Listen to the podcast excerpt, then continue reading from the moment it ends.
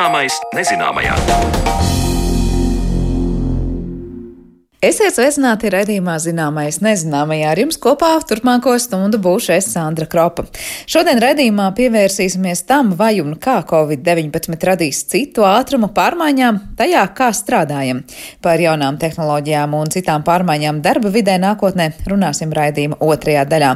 Taču pirms tam stāsts par to, kas rodams UNESCO programmas pasaules atmiņas sarakstā un kā tajā pieteikt jaunas iniciatīvas. Gluži kā Olimpiskajās spēlēs, reizi četros gados tiek izsludināta pieteikšanās UNESCO programmas pasaules atmiņa Latvijas Nacionālajam reģistram. Nu, šis brīdis ir pienācis arī šogad, tāpēc pārskatīt Latvijai nozīmīgākās dokumentāla mantojuma liecības tiek aicināti gan muzeji, bibliotekas, arhīvi, gan juridiskās un privātās personas. Kas tad ir programma Pasaules atmiņa un kas līdz šim nonācis Latvijas Nacionālajā reģistrā, par to interesējās Mariona Baltkalne. UNESCO programmu Pasaules atmiņu viņi izveidoja 1992. gadā, un tās mērķis bija apzināt un saglabāt pasaules dokumentārā mantojuma vērtības. Es domāju, mums eh, Latvijā ir ļoti pazīstama programma eh, Pasaules mantojums, kur, piemēram, ir iekļauts Rīgas vēsturiskais centrs, kas apzina šīs svarīgākās vietas, gan dabas, gan eh, kultūras vietas, kuras būtu vērts saglabāt. Bet jau vēlāk, 90. Um, gados, UNESCO saprata, cik svarīgi ir uh, saglabāt arī dokumentāras liecības. Un tas ir gan uh, rakstītie dokumenti, gan audiovizuāli, gan arī, piemēram, attēli. Un uh, pasaules atmiņa tas ir doma ar tādu, ka ik viens šī vērtīgā dokumenta zaudējums būtu kā, teiksim tā, izdzēšana no mūsu kopējās atmiņas katrs dokuments nes vēstījumu, kas veido kopējo mūsu atmiņu. Un tas ir gan nacionālā līmenī, piemēram, mums svarīgi dokumenti, kas veido Latvijas identitāti, latviešu identitāti, gan arī vispār cilvēciskā līmenī, tā kā visas pasaules ziņā par apvienoto nāciju izglītības, zinātnes un kultūras organizācijas jeb UNESCO programmu Pasaules atmiņa stāsta UNESCO Latvijas Nacionālās komisijas komunikāciju un informācijas sektora vadītāja Beāte Lielmane. Pieminētā programma Pasaules mantojums attiecas uz vietām, kuras nevar piederēt mums katram un ir kaut kas netverams Savukārt programmas pasaules atmiņa liecības ir kaut kas tverams, jo dokumenti ir fiziski saglabājušies, bet pats svarīgākais - tie nes būtisku vēstījumu.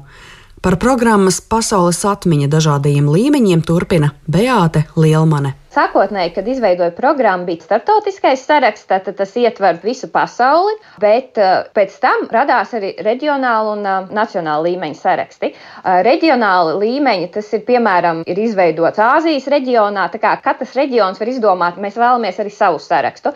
Saistībā ar Latviju mēs tā kā neietilpstam nevienā reģionālā sarakstā šobrīd. Ir bijuši šeit domas varbūt izveidot kaut kādu Eiropas līmeņu vai Baltijas reģionu līmeņu, bet šobrīd nav. Šobrīd ir tikai nacionālais saraksts saraksts, kuru mēs izveidojam 2009. gadā.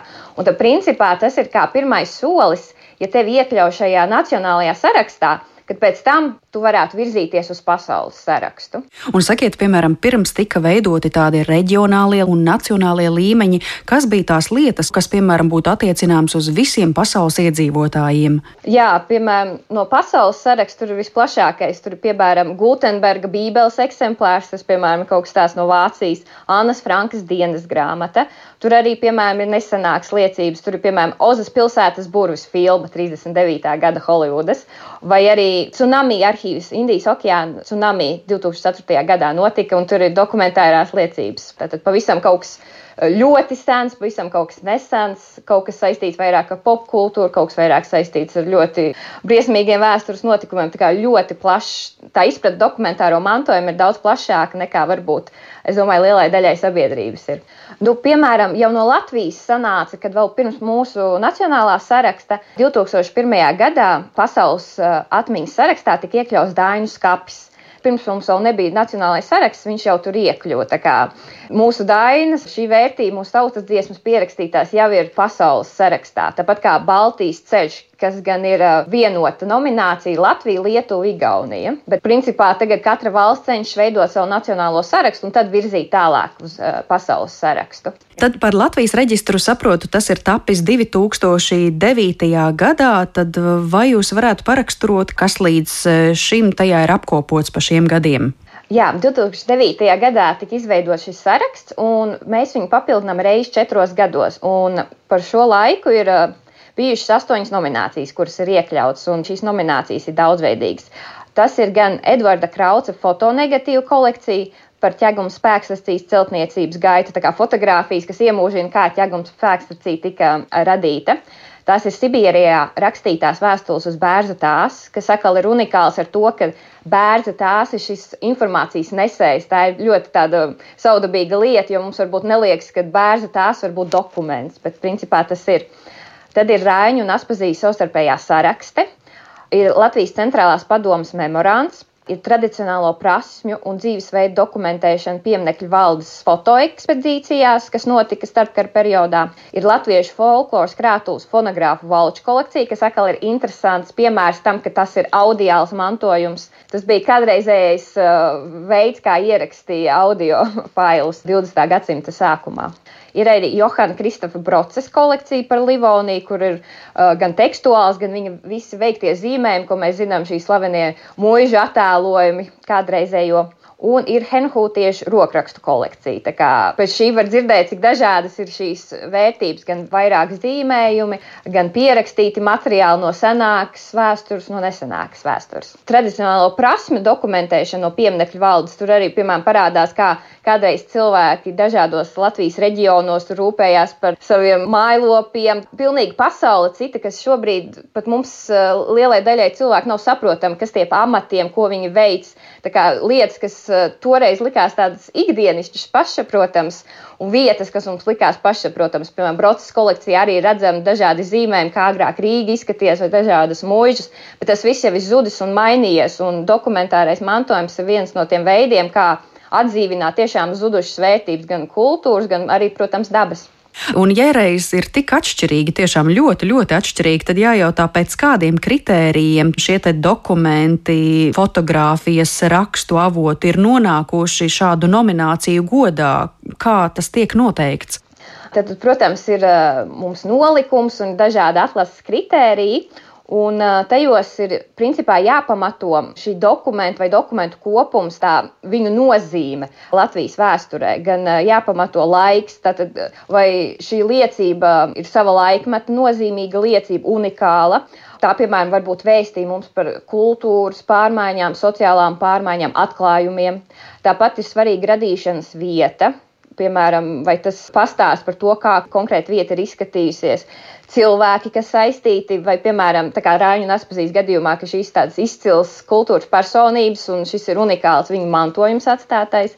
Protams, arī tēma un uh, arī pats dokumentārā mantojuma veids, piemēram, bērnu tās ir ļoti unikāls dokumentārā mantojuma piemērs.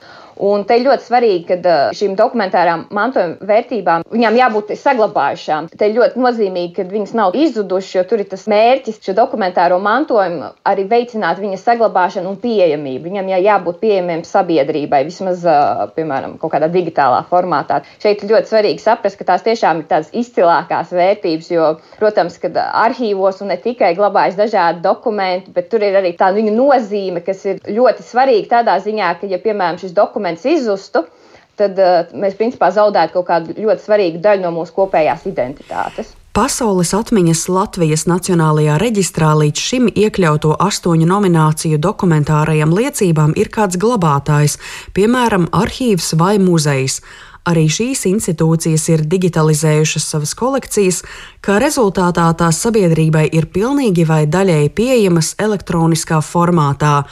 Reizi četros gados, kad tiek izvērtēti Latvijas Nacionālā reģistra pieteikumi, saraksts vienā reizē var tikt papildināts gan ar vienu, gan vairākām nominācijām. Vēl ir iespēja tas, ka jau, piemēram, esošas nominācijas, tā ir bijis Sibīrijā rakstīto vēstuļu bērnu tās gadījumā, ka var papildināt, jo sākotnēji bija, piemēram, tikai Tuku muzejs, kurā atrada šīs vēstules, bet tad citi muzeji teica, mums arī šīs vēstules ir, Un tad nākamajā periodā, kad izziņoja, varēja papildināt jau esošu nomināciju. Tad, piemēram, muzeja atrada, ka viņiem arī ir šāda tipa mantojums, ar ko papildināt sarakstu. Mm -hmm. Tad nu, pats būtiskākais eh, tagad, es saprotu, ir tā kā Olimpiskajās spēlēs, tāds četru gadu atskaites punkts, tad uh, varat pastāstīt, kas ir tas, uz ko jūs šobrīd eh, aicināt, un ar to strādās, es saprotu, nākamos četrus gadus.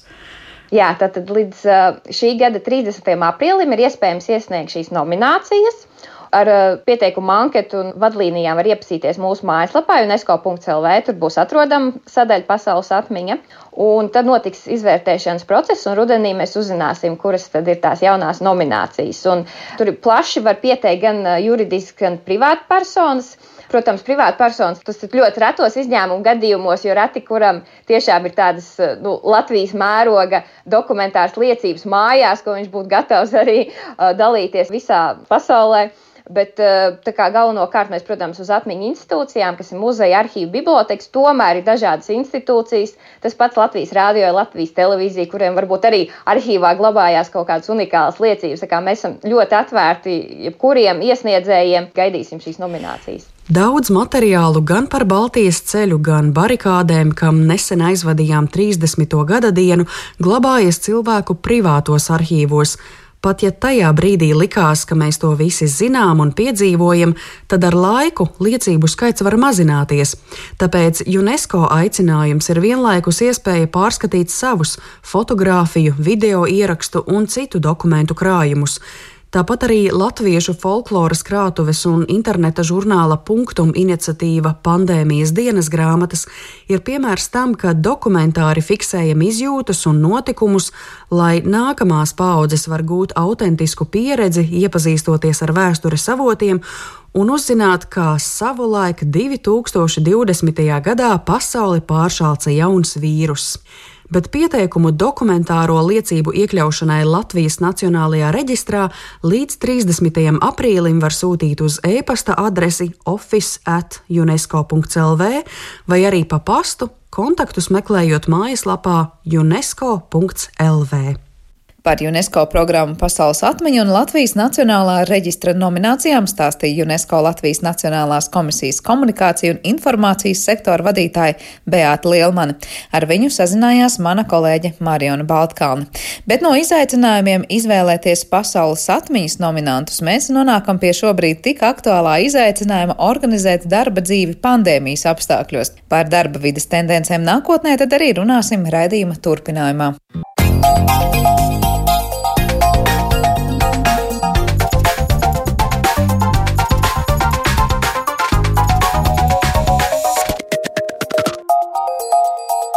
Zināmais nezināmajā. Attīstoties tehnoloģijām, mainās arī darba vide, un pavisam otrādi, protams, ka mainoties darba videi, tam piemērojas arī tehnoloģijas. Taču šodien kāda liela daļa darba tiek organizēta attālināti, bet birojos uz vietas jāievēro īpaši piesardzības pasākumi. Šīs pārmaiņas varētu būt aktuālākas kā jebkad agrāk. Kā Covid-19 pandēmija ir likusi mainīties darba videi un kāda izaicinājuma mūs sagaida nākotnē? Atbildes mēs meklēsim atlikušajā raidījuma pusstundā, kad uz mūsu attālināto studiju esam aicinājuši Rīgas Radiņu Universitātes asociēto profesoru, darba drošības un vidas veselības institūta direktoru Ivaru Vanadziņu un Rīgas Tehniskās Universitātes datorzinātnes un informācijas tehnoloģijas fakultātes dekānu Agriņu Kisenko.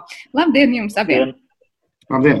No kā jums pašiem šobrīd liekas, skatoties tajā, kādas eh, runas ir apkārt, protams, sabiedrībā un kā pašiem arī darbs tiek organizēts? Daži no mums ir izteikti priecīgi un saka, nu, nevar sagaidīt, kā, kad, kad beidzot mēs varam strādāt no mājām un viss ir lieliski. Cits saka, es ar nepacietību gaidu brīdi, kad atgriezīšos birojā. Vai mēs esam vairāk ieguvuši vai zaudējuši, tā teikt, pārorientējot savu darba dienu vairāk uz šo Zoom platformu vai vismaz no attālināto vidi? Ivar, varbūt sākšu vispirms. Mm. Jā, paldies par jautājumu. Nu, tāds ne, ne, ne ļoti viegli atbildams jautājums. Un, laikam, tas eh, pirmais, ko varētu teikt, eh, nu, arī tā papētot, ko vispār par to domā, un vai kaut kādi jau cipari, lai nebūtu tikai tā man liekas, bet eh, ar kaut kādiem pamatojumiem. Un tad, laikam, viens tas atslēgas teikums varētu būt tāds, ka tā pandēmija ir kalpojusi par tādu vai šausmīgi nelietisks, jā, ļoti nelietisks vārds, akceleratoru pārmaiņām Ja es tie tās lietas, kuras jau faktiski, uz kurām jau ir gājis īstenībā diezgan ilgi. Viņas ir vienkārši notikušas daudz, daudz, daudz ātrāk. Ko tā pati, teiksim, no daļēji pārējai uz attālināto darbu, lielāka tehnoloģija izmantošana, kaut kāda mākslīgā intelekta plašāka iesaistīšana. Ja, nu, Visas šīs te, par ko, lietas, par kurām vien ir noteikti kompetentāks runāt. Ja, tās visas vienkārši ir saekskalējušās un pēkšņi notikušas. Nu, vienā pētījumā bija teikts, ka pēkšņi izrādās, ka bija vajadzīgs vidēji 11 dienas, tikai nevis teiksim, 4 vai 8 gadi, lai pārorientētos uz, uz kaut kādu jaunu darba veidu. Ja? Tā kā es domāju, ka uh, tas ir varbūt tas atslēgas vārds vai teikums. Tā pandēmija kā akcelerators. Jā, bet par to, vai tas vairāk kā pluss un mīnus, laikam arī katrs no savas vidas un apstākļiem un apstākļiem var izvērtēt, bet par to mēs parunāsim pēc brīža. Agri, kāds ir tas vērtējums, kas ir noticis šogad? Jau jāsaka, pagājušā gadā. Lielā mērā piekrītu tam, ko Ivars teica. Jā, tas patiešām ir bijis tādu pātrinājumu efektu, un faktiski mēs visi varējām, es domāju, Latvijas sabiedrību pārliecināties arī kā no labās, tā no sliktās puses, kā mūsu IKT infrastruktūra un programmatūras sistēmas ir pielāgotas šādiem apstākļiem. Man ir jāsaka, nu, ņemot vērā, ka es strādāju ikdienā arī pedagoģijā, protams, pedagogiem lielā mērā tas bija pārbaudījumu periods, jo nu, bija jāpārstrādā visu studiju materiālus, faktiski ir jāpārstrādā metodoloģija un tam līdzīgi, nu, un ļoti lielā steigā. Tas, protams, prasīja lielu darbu. Bet no otras puses tagad ir materiāls, kuru var lietot kaut vai naktas laikā. Un tā, tādā veidā es, es gribētu teikt, ka mēs drīzāk esam ieguvēji nekā zaudētāji. Otra lieta, ja mēs arī lūkojamies no Latvijas biznesa vides, gribētu teikt, ka tas arī, ja tā var izteikties, viņus sapurinājis, ir daudz aktīvāk meklē eksporta tirgus un tam līdzīgi. Un lielā mērā arī, nu, būsim godīgi, nu, teiksim, ja līdz pandēmijai, tas ir pagājušā gada šis laiks, apmēram periods, bija diezgan ierasts, kad mūs sauc uz sarunām kaut kādām, pieņemsim uz kādu Eiropas pilsētu, un sarunas faktiski notiek divas, trīs stundas un mēs lidojam uz turieni, tērējam degvielu, laiku un tā tālāk, faktiski, ja tā drīkst izteikties, nodedzinām veselu dienu. Šobrīd tas tā nav un izrādās, ka bez tā var iztikt.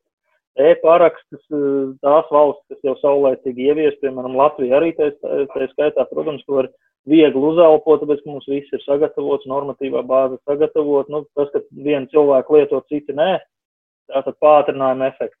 Visi sāka lietot. Lūk, bet ir valstis, kur nav pat regulējumi. Tā kā mēs noteikti esam, nu, kopumā es drīzāk gribētu teikt, vairāk pozitīvi un ieguvēji nekā, nekā zaudētāji.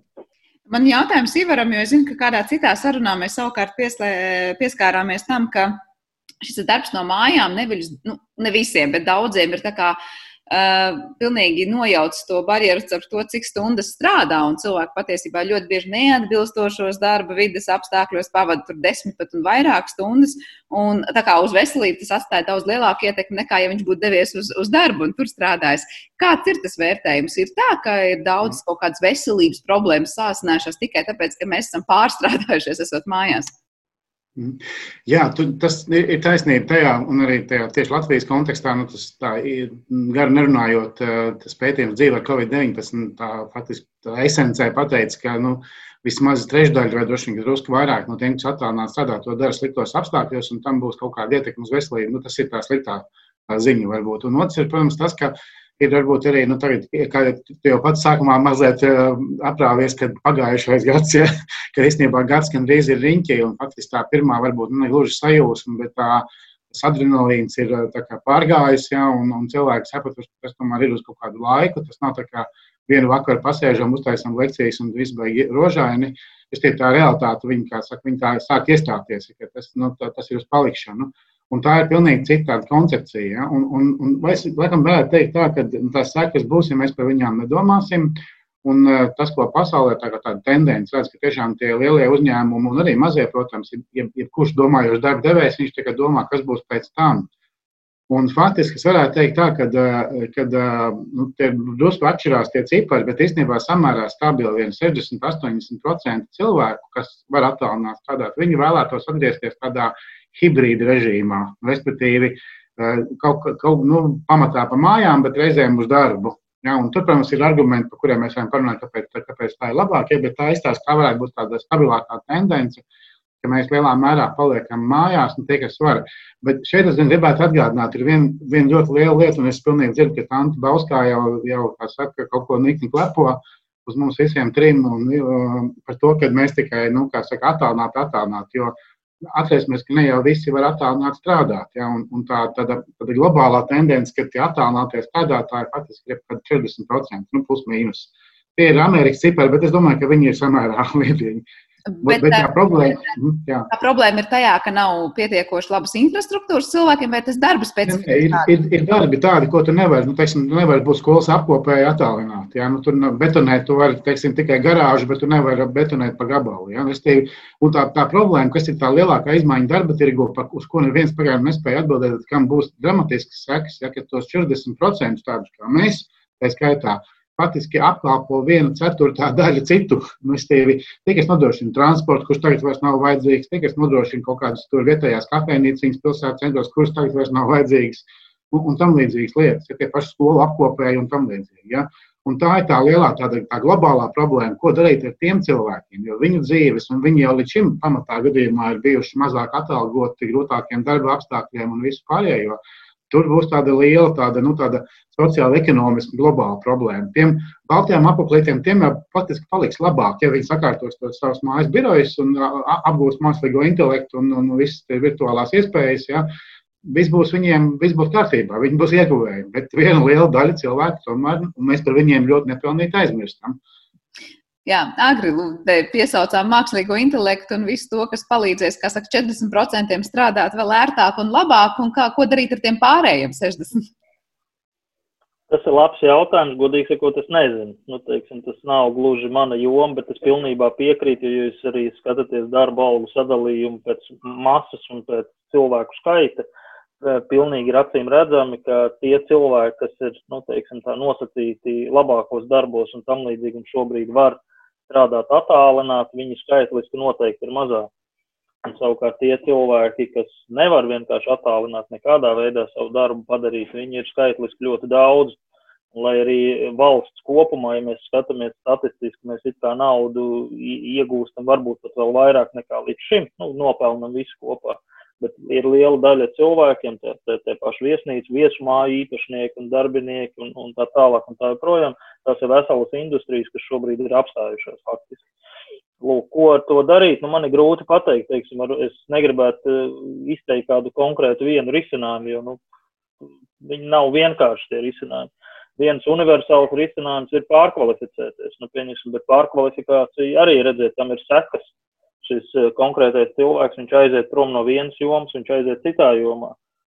Viena joma vinnē, otra joma zaudē savu darbinieku. Tas nozīmē, ka tā joma, kas zaudē darbinieku, nespēs atgriezties tādā darba ritmā kā iepriekš.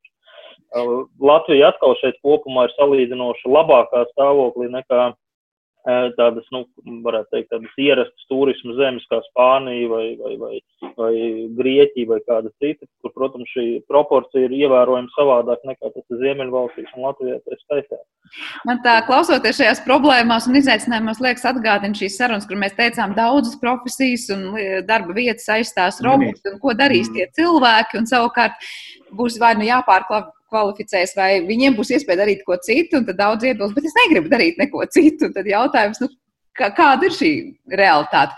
Kā jūs abi zīmējat, kādās krāsās tās darba vides mainīsies? Nu, es um, saprotu, ka pasaules līmenī daudz ko runā par tiešām šo hibrīdu formu, ka ir kaut kas no mājām, kaut kas no vēl kaut kāda īrēta biroja un kaut kas no tā ierastā biroja. Vai saredzat, ka Latvijā būs līdzīgi? Es domāju, ka jā, un tur, tur varbūt ir vēl, vēl dažas lietas, ko vajadzētu piebil, piebil, pieminēt par to pašu. Nu, arī pašlaik Eiropas komisijā aktīvi tiek virzīta pat direktīva par atslēgšanos, par tiesībām atslēgties no darba. Bet es kāpēc to saku? Tāpēc, kad atcerēsimies, ka tas, nu, kas, kas tā principiāli mainīsies, droši vien būs tas darba laiks. Tādā ziņā, ka mēs esam arī likumdošanā ierobežot 9 līdz 5, ja, nu, kas ir bijis Atcerēsimies vēsturiski tam zilo apaklīšie vienkāršo darbu darītāju modelis, kur kāds pieskat no 9 līdz 5, viņš kustās.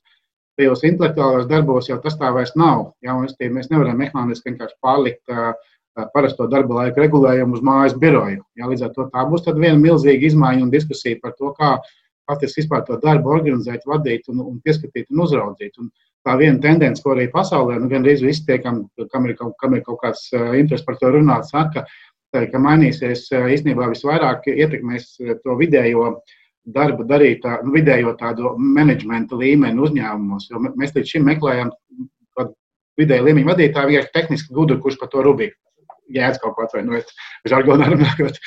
Un tad ir, tad pašlaik tas patiesībā vairs nav īsti aktuāli, ja, jo būtībā jau nu, nav, nav tā pieskatīšana vajadzīga, ja, bet ir vajadzīgs faktiski tāds sociāli empātisks menedžers, kas saprot psiholoģiju, uh, Ja, un kaut ko tādu nu, nav tās tehniskās prasības aiziet otrajā plānā, jo tās teiksim, tiešām var nokontrolēt mašīnu labāk vai mākslīgais intelekts labāk nekā cilvēks. Ja, vairāk paliek tā, tā, tā puse empātiski saprast, ko tam, kā tam otram tur iet un kas viņam ir jāpalīdz ja, kādā veidā. Un ne, ne tikai ar programmatūru, bet arī ar galvu. Ja.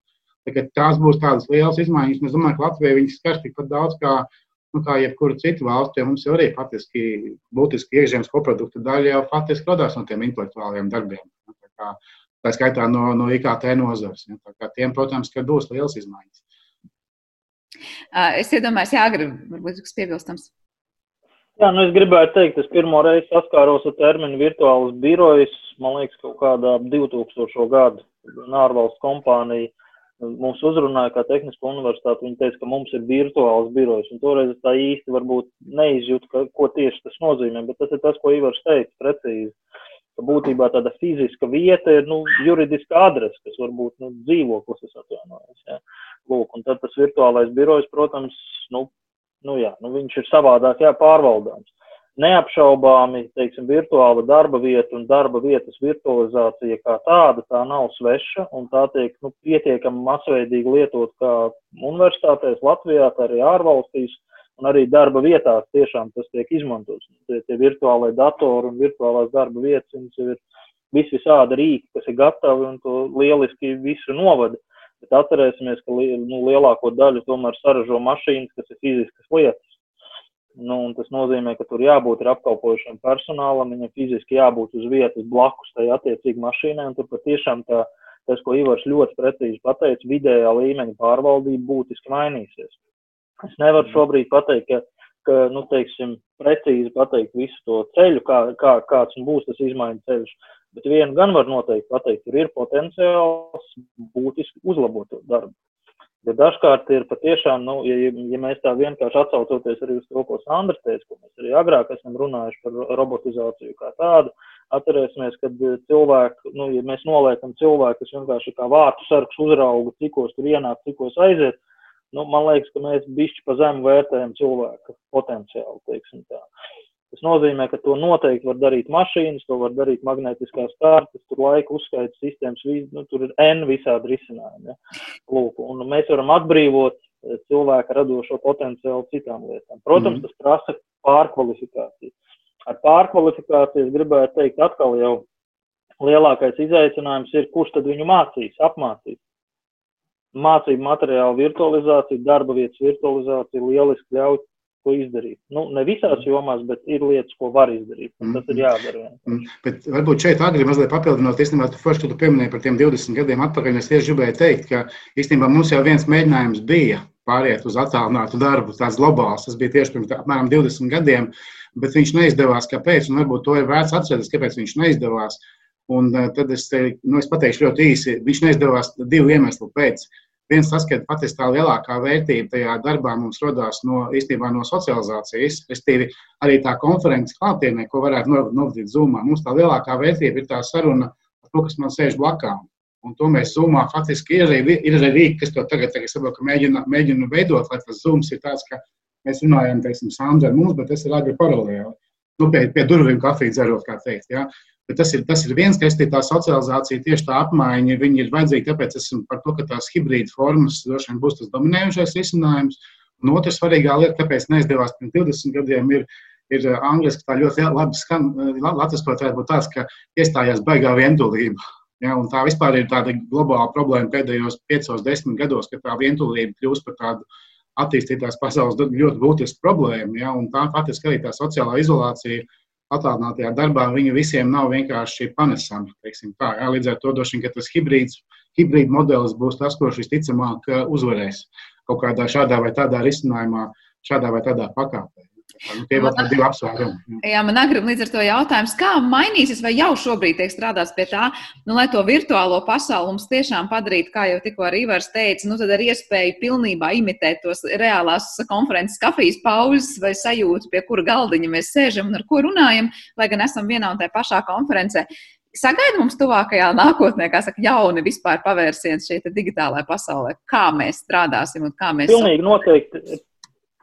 Pilnīgi noteikti. Es gribētu teikt, ka tas ir kaut kāda pusgada gada jautājums. Nu, jau īstenībā tāda risinājuma diezgan pasen bija. Nu, varbūt tiešām viņi nedaudz tāda neveikla tehnoloģiski bija, jo tur interneta ātrums, ne tāds skaitļošanas ātrums, bišķi piekliboja un, un tam līdzīgi. Elektronika fiziski bija lielāka, nu, izmēros lielāka, smagāka.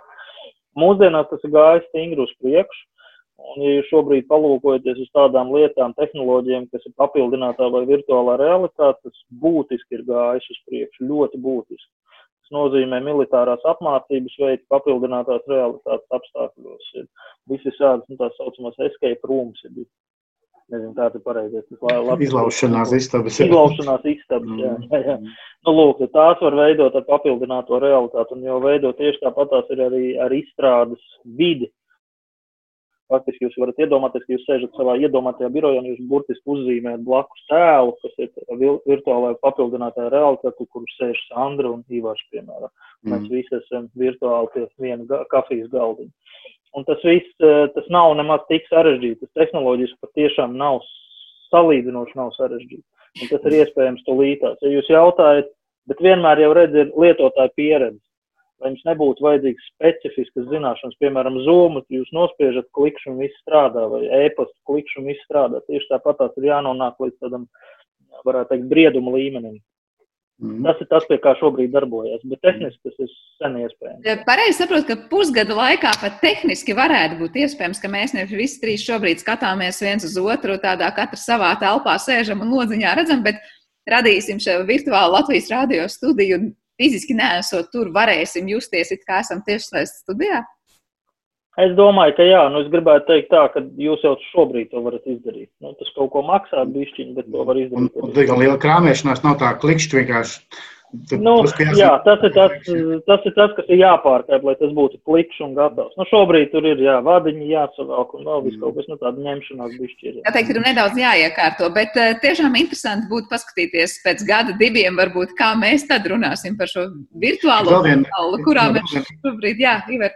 Bet es neesmu neaizmirst arī par fizisko vidi, un viena tāda būtiskā lieta, kas paliks, kas droši vien, kad paliks un tiks ņemta vērā, iespējams, ir uh, vispār, kas notiek ar nekustamo īpašumu, ja, jo mēs droši vien pārcelsimies drusku vairāk uz kaut kādiem reģioniem. Viens, otrs, tas, kad arī attīstītājs pieņem, ka jau tagad, jau, nu, to ir ļoti grūti ātri pagriezt to kuģi, ja, bet uh, tie visiem ir viena istaba par maz. Līdz ar to man, piemēram, arī viens pie RTU maģistrāns, kurš uh, raksta tieši darba arhitektūrā par, par mājas birojiem, arhitekta skatījumā. Es tikai jau plānojot, projektējot, jau mēs paredzam, ka nu, daļa cilvēku strādās mājās, lai tā vieta būtu jau mētiecīgi tam domāta un paredzēta. Un otrs ir agri, agri, agri lauciņš, protams, ir interneta ātrumi un tās lietas, kur tā, tā virtuālā realitāte nav realizējama ar kaut kādu atvērtu iezvaru pieeju, nu, kas, protams, vairs nav, ja, bet, bet nu, kaut ko tam līdzīgu. Tad tev ir solīds, stabils ātrums un viss pārējo. Arī tāda būtiska izmaiņa noteikti nākotnē būs. Jā, es līdzīgi iedomājos, ja par mājas birojiem jau arhitekti runā un domā un pēta par nākotnes skolām. Arī varētu teikt, tas kaut kā mainītos, kāda būs tā izglītības vide, ja tik daudz ko varētu darīt attālināt. No man ienāca prātā doma, vai varētu būt atkal tāda hibrīda forma, ka nevis visi tagad sēž attālināti klasēs kaut kur, katrs savā mājā, bet, piemēram, ir bērni, kuru vecāki strādā dažādās valstīs, un viņš ik pa laikam ir citā valstī un vienīgais attālināts seko skolā notiekošiem tā ir eh, tuva vai tālu nākotnē, kaut kas tāds vispār būtu iespējams? Es ar interesi tieši klausījos, nu, raidījums būs, būs citā dienā, bet es tieši šodien klausījos konferenci par to jaudīgāku izglītību ar, ar vienu ausu ļoti interesanti. Un, un faktiski tur ir tā, es domāju, ka noteikti, jā, Agris, vien, ka vairāk var pateikt, vai tādu risinājumu jau ir iespējami, bet, protams, tur ir problēma, ka tam skolotājiem ir jātiek līdzi pirmkārt tai, tai lietai, jo tur tie ir tomēr divi dažādi paralēli mācību modeļi vienā laikā. Un ir otra, otra višķiņa arī tāda problēma, ka tā skola faktiski viņas tā lielā vērtība jau nav īstenībā tas tev atsūta uzdevumu. Skolas lielā vērtība ir tavi, tavi draugi skolā. Palielam tas tusiņš, kas ir ap to mācīšanās procesu, kurš pat reizēm ir vismazāk svarīgais tajā visā. Es atvainojos, es atvainojos skolotājs, ja, bet būtībā tā skolas vērtība ir tā sabiedrība. Jā, kas dod to, to kompetenci, un dzīves gudrību un pieredzi un visu pārējo. Es domāju, ka jā, bet uh, būtu forši tomēr saglabāt arī kaut kādā veidā klātienes skolu. Agri? Nu, lielā mērā es atbalstu šo domu. Tehniski tas ir iespējams jau šobrīd. Arī Rīgas Tehniskajā universitātē mēs izmantojam tādu hibrīdu režīmu, kad ir cilvēki, kas vienlaicīgi nu, nosacīti atrodas auditorijā, bet ir attālināts darba vietas un ir klātienes darba vietas. Pasniedzējs ir atbilstoši vai nu attālināts, vai nu klātienē. Kā. Tas tehniski patiešām, es gribētu teikt, ka nav arī tik sarežģīti. To arī šobrīd var izdarīt. Bet tas, eh, nu, jā, Vīvārs jau pieminēja, galvenais ir pats pedagogs arī un paša skolnieka pieredze skolā esot teiksim, to var tiešām radīt hibrīdā režīmā, bet ir kaut kāda viena diena vai divas dienas, kad skolnieki ir, nu, es nezinu, kaut kādā īpašā režīmā, tur tiešām ir socializēšanās drīzāk tāda pasākuma. Un es negribu teikt, ka tas ir tur klases vakar vai kaut kas tam līdzīgs, bet tās ir mācību stundas, kas vairāk ir vērstas uz uh, sociālo sadarbību. Nu, teiksim, tur darbas grupās vai kaut kāda pārgājiena, nu, kas nu tur ir vajadzīgs, ja iziešana dabā, tur um, bioloģijas stundās un tam līdzīgi.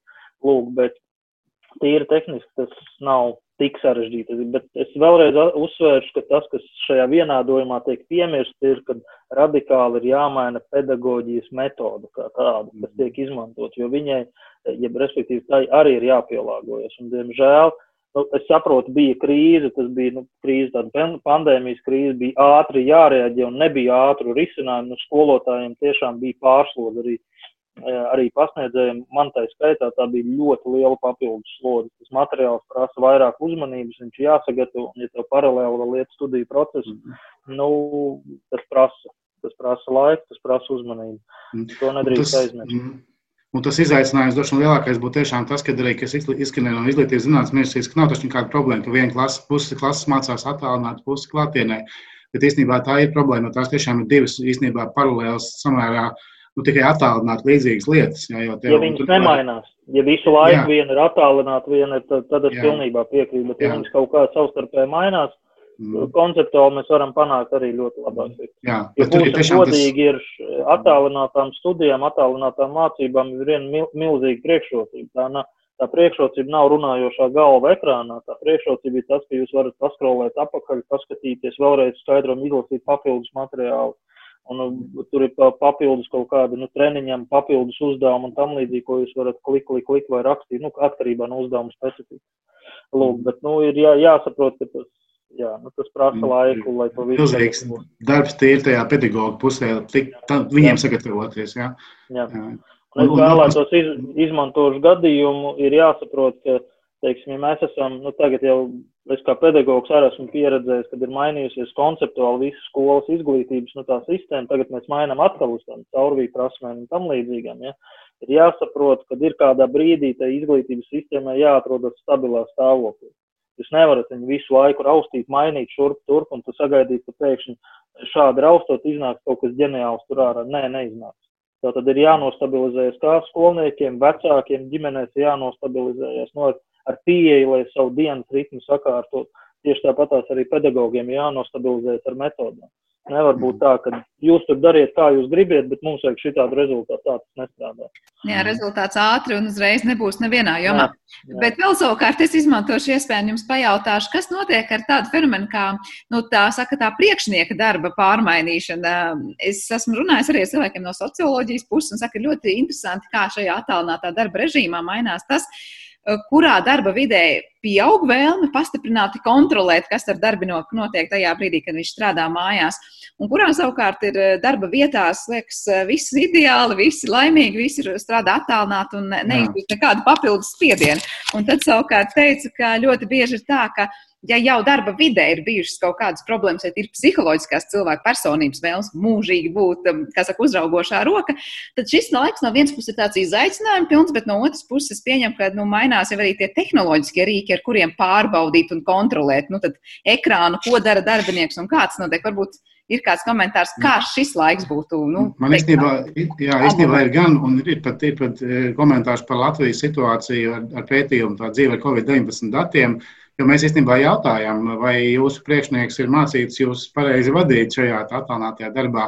Un tur izlēma ārā, ka nodarbinātie jūt, ka tie priekšnieki neprot, nemāk, nav gatavoti. Nu, nezinu, tas, tas tiešām ir kā problēma.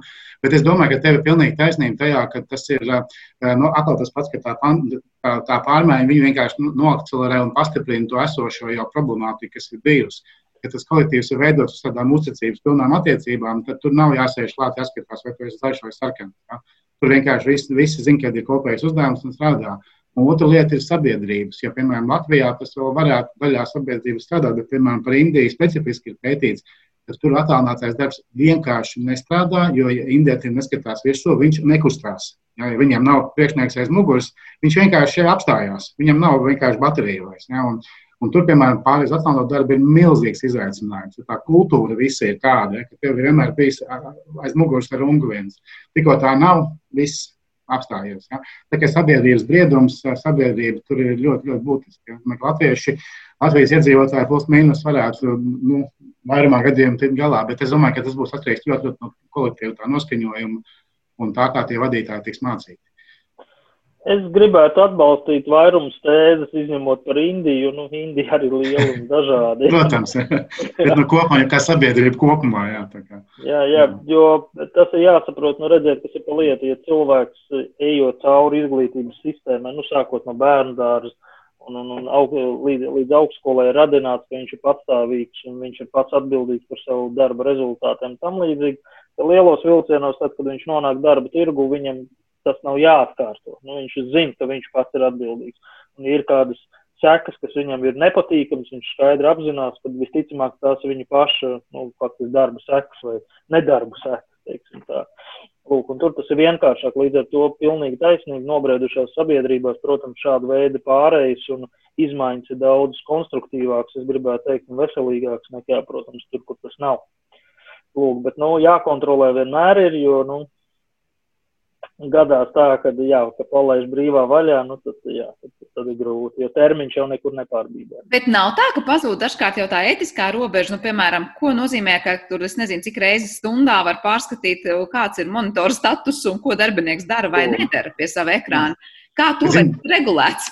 Ne, tur, tur ir tā, tā lielā problēma, ka tā patiesībā tā lielākā vērtība tam pie, attālinātiem darbam, kas to produktivitāti visvairāk varētu dot, nu, izņemot biroja nomas maksas ietaupījumus un tādas prozaikas lietas, ir tas, ka cilvēks var labāk sevi regulēt un savietot ar citām lietām, ko viņš dara. Piemēram, viens no lielajiem ieguvumiem tiek uzskatīts, ka būs, būs ieguvums dzimumu līdztiesībai, jo sievietēm būs lielākas iespējas savienot elastīgāk. Ja, Viņas zina, ko kurā laikā viņai vajag, kad vajag bērnu, kad vajag to, kad vajag šito. Ja.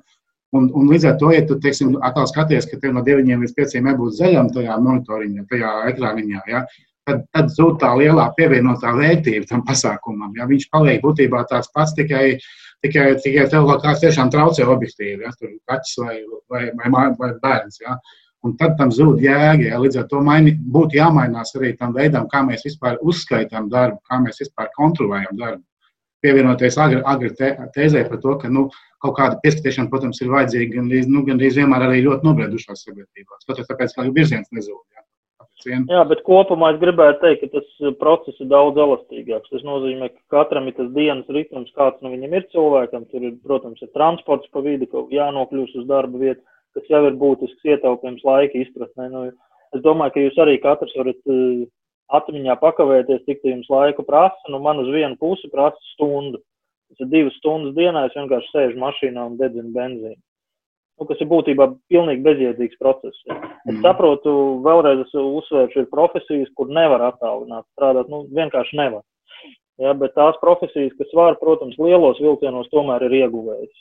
Jo mm. tiešām darbu var padarīt efektīvāk. Par kontroli arī, nu, redziet, ja, ja mēs ko kontrolējam, ja jūs kontrolējat kā, eh, laiku, jūs kontrolējat rezultātu. Tās ir divas dažādas lietas. Nu, teiksim, tā, ja jūs kontrolējat laiku, tam nav jēgas. Ja, ja jūs kontrolējat rezultātu, tas ir cits stāsts. Tad cilvēks var sasniegt to rezultātu, nu, kad, kad viņam tas ir ērti, vai atvainojos, kad viņam mūzika spēlē un tā. Piemēram, jā. Mm -hmm. jā, nu patiešām interesanti klausīties, un es domāju, vēl interesantāk būs skatīties, kā šis attālinātais darbs mums tālāk pārmainīs gan mūsu pašu arī... dienas režīmus un darba vidas un darba stils. Un, jā, ir. Ne tikai skatīties, bet arī piedzīvot pašiem. Tieši tā, piedalīties. Un arī, protams, kā jau arī Agris uzsvēra, te nav stāsts par to, ka visiem ir jāpārvietojas uz attālināto vidi. Tas stāsts ir tiešām par tiem darbiem, kas to var izdarīt, un varbūt par tiem, kuri domā, ka nevar, bet patiesībā itin labi var. Lielas paldies jums par šo sarunu. Es atgādināšu klausītājiem, ka dzirdējām šajā pusstundā Rīgas Tradiņu universitātes asociēto profesoru, darba drošības un vidas veselības institūta direktoru Ivaru Vanadziņu, kā arī Rīgas Tehniskās universitātes datorzinātnes un informācijas tehnoloģiju tehnoloģiju fakultātes dekānu Agri Nikicenko. Ar to arī mūsu raidījums ir izskanējis. Paldies visiem par klausīšanos un uz tikšanos!